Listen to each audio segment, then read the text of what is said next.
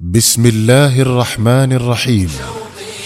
شوقي للقياهم يزيد ولحبهم هتف القصر يا جيل أتباع الهدى أشرق علينا من جديد شوقي يسر جمعية مودة أن تقدم لكم صورا من حياة الصحابة لعبد الرحمن رأفت الباشا.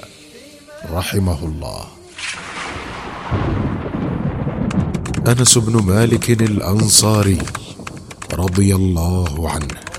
هم قادة الدنيا فمن قادوا ولا عرفوا المحيط. هم أسوة الإنسان في الأقوال والفعل السديد. لا ليس نرضى أن ينادوا من قريب أو بعيد. كان أنس بن مالك في عمر الورد حين لقنته أمه الغميصاء الشهادتين.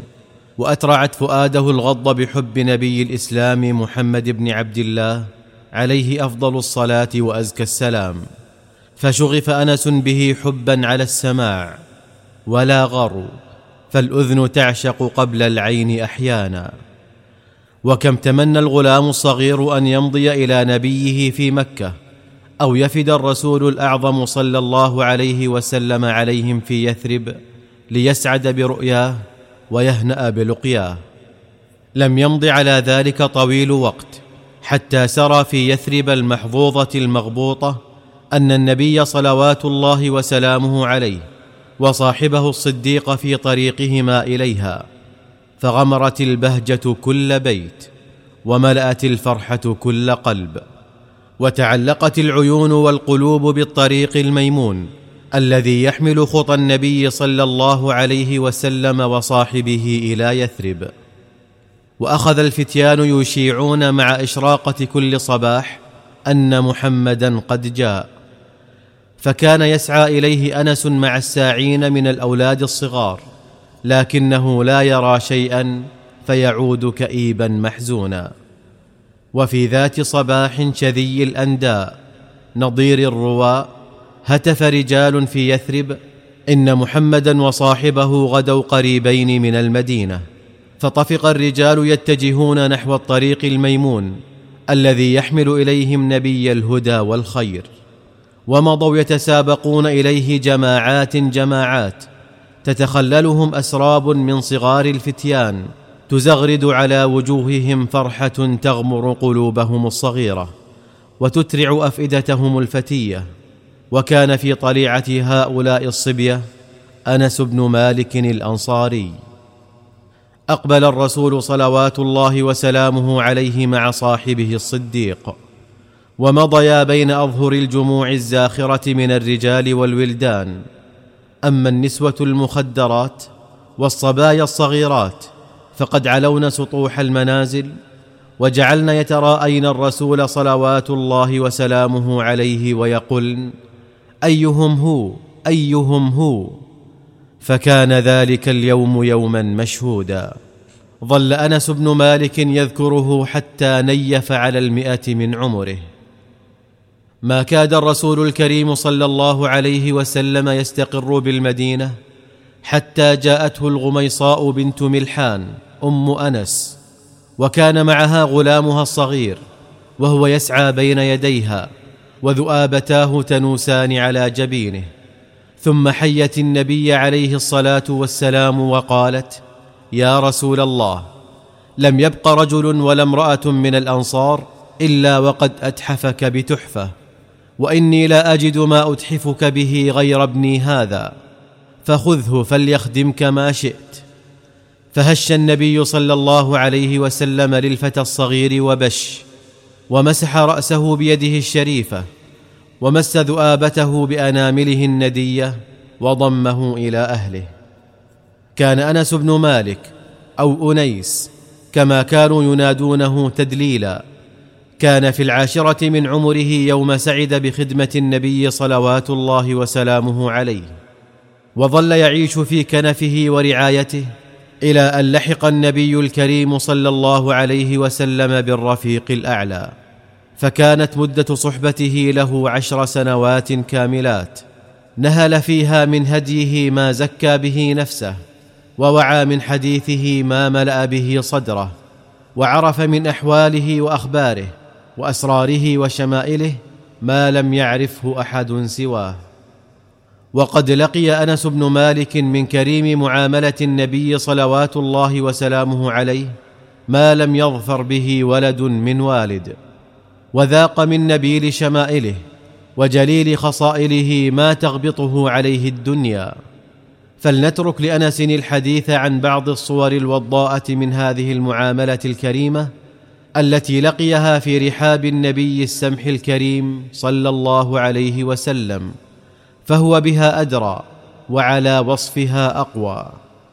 قال أنس بن مالك كان رسول الله صلوات الله وسلامه عليه من أحسن الناس خلقا وأرحبهم صدرا وأوفرهم حنانا. فقد أرسلني يوما لحاجة فخرجت وقصدت صبيانا يلعبون في السوق لألعب معهم ولم أذهب إلى ما أمرني به. فلما صرت إليهم شعرت بإنسان يقف خلفي ويأخذ بثوبي فالتفت فإذا رسول الله صلى الله عليه وسلم يبتسم ويقول يا أنيس أذهبت حيث أمرتك؟ فارتبكت وقلت نعم إني ذاهب الآن يا رسول الله والله لقد خدمته عشر سنين فما قال لشيء صنعته لم صنعته ولا لشيء تركته لم تركته. وكان الرسول صلوات الله وسلامه عليه إذا نادى انسا صغره تحببا وتدليلا فتارة يناديه يا أنيس وأخرى يا بني وكان يغدق عليه من نصائحه ومواعظه ما ملأ قلبه وملك لبه. من ذلك قوله له يا بني إن قدرت أن تصبح وتمسي وليس في قلبك غش لأحد فافعل. يا بني إن ذلك من سنتي. ومن أحيا سنتي فقد أحبني ومن أحبني كان معي في الجنة. يا بني إذا دخلت على أهلك فسلم يكن بركة عليك وعلى أهل بيتك. عاش أنس بن مالك بعد وفاة الرسول عليه الصلاة والسلام نيفا وثمانين عاما. ملأ خلالها الصدور علما من علم الرسول الأعظم صلى الله عليه وسلم. وأترع فيها العقول فقها من فقه النبوة وأحيا فيها القلوب بما بثه بين الصحابة والتابعين من هدي النبي صلى الله عليه وسلم. وما أذاعه في الناس من شريف أقوال الرسول الأعظم صلى الله عليه وسلم وجليل أفعاله. وقد غدا أنس على طول هذا العمر المديد مرجعا للمسلمين يفزعون إليه كلما أشكل عليهم أمر.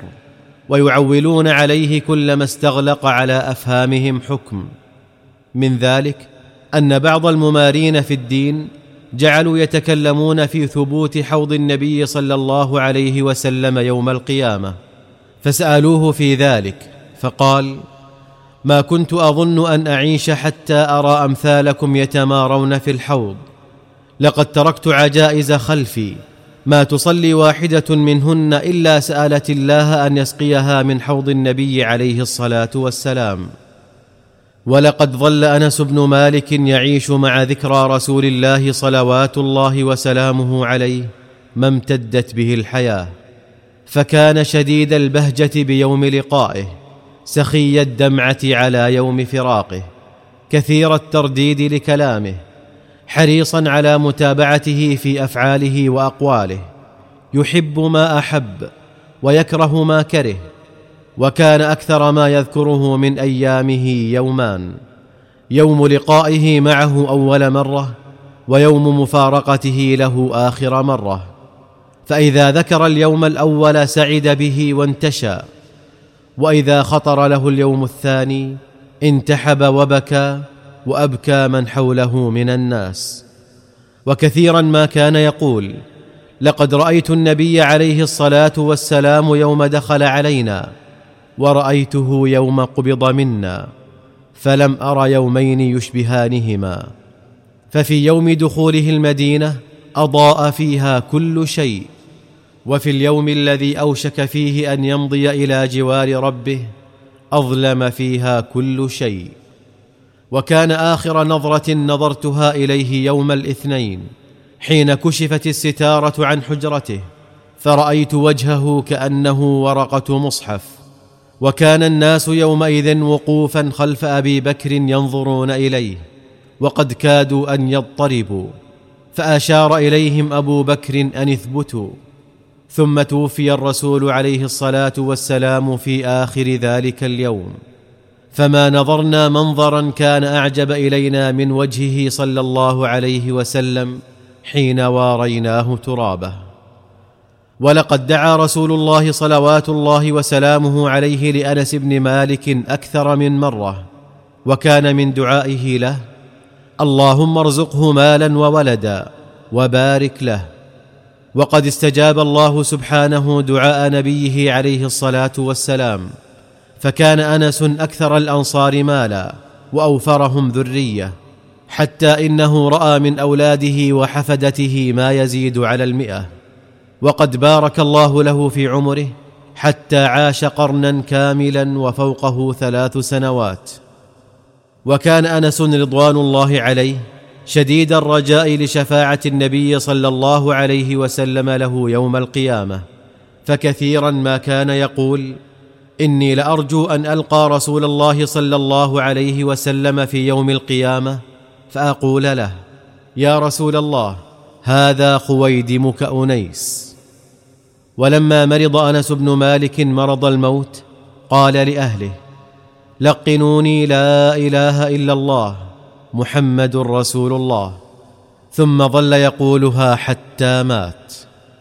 وقد أوصى بعصية صغيرة كانت لرسول الله صلى الله عليه وسلم بأن تدفن معه فوضعت بين جنبه وقميصه.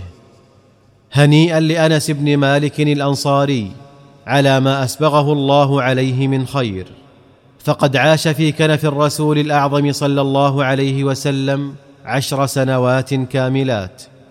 وكان ثالث اثنين في رواية حديثه هما أبو هريرة وعبد الله بن عمر وجزاه الله هو وأمه الغميصاء عن الإسلام والمسلمين خير الجزاء. اللهم ارزقه مالا وولدا وبارك له من دعاء الرسول صلى الله عليه وسلم له. بمحمد وبصحبه قد أسس الصرح المشيد. يا شعر أسعفني أفض في مدحهم هل من مزيد؟ سلة الإيمان والتقوى أولو الأمر الرشيد.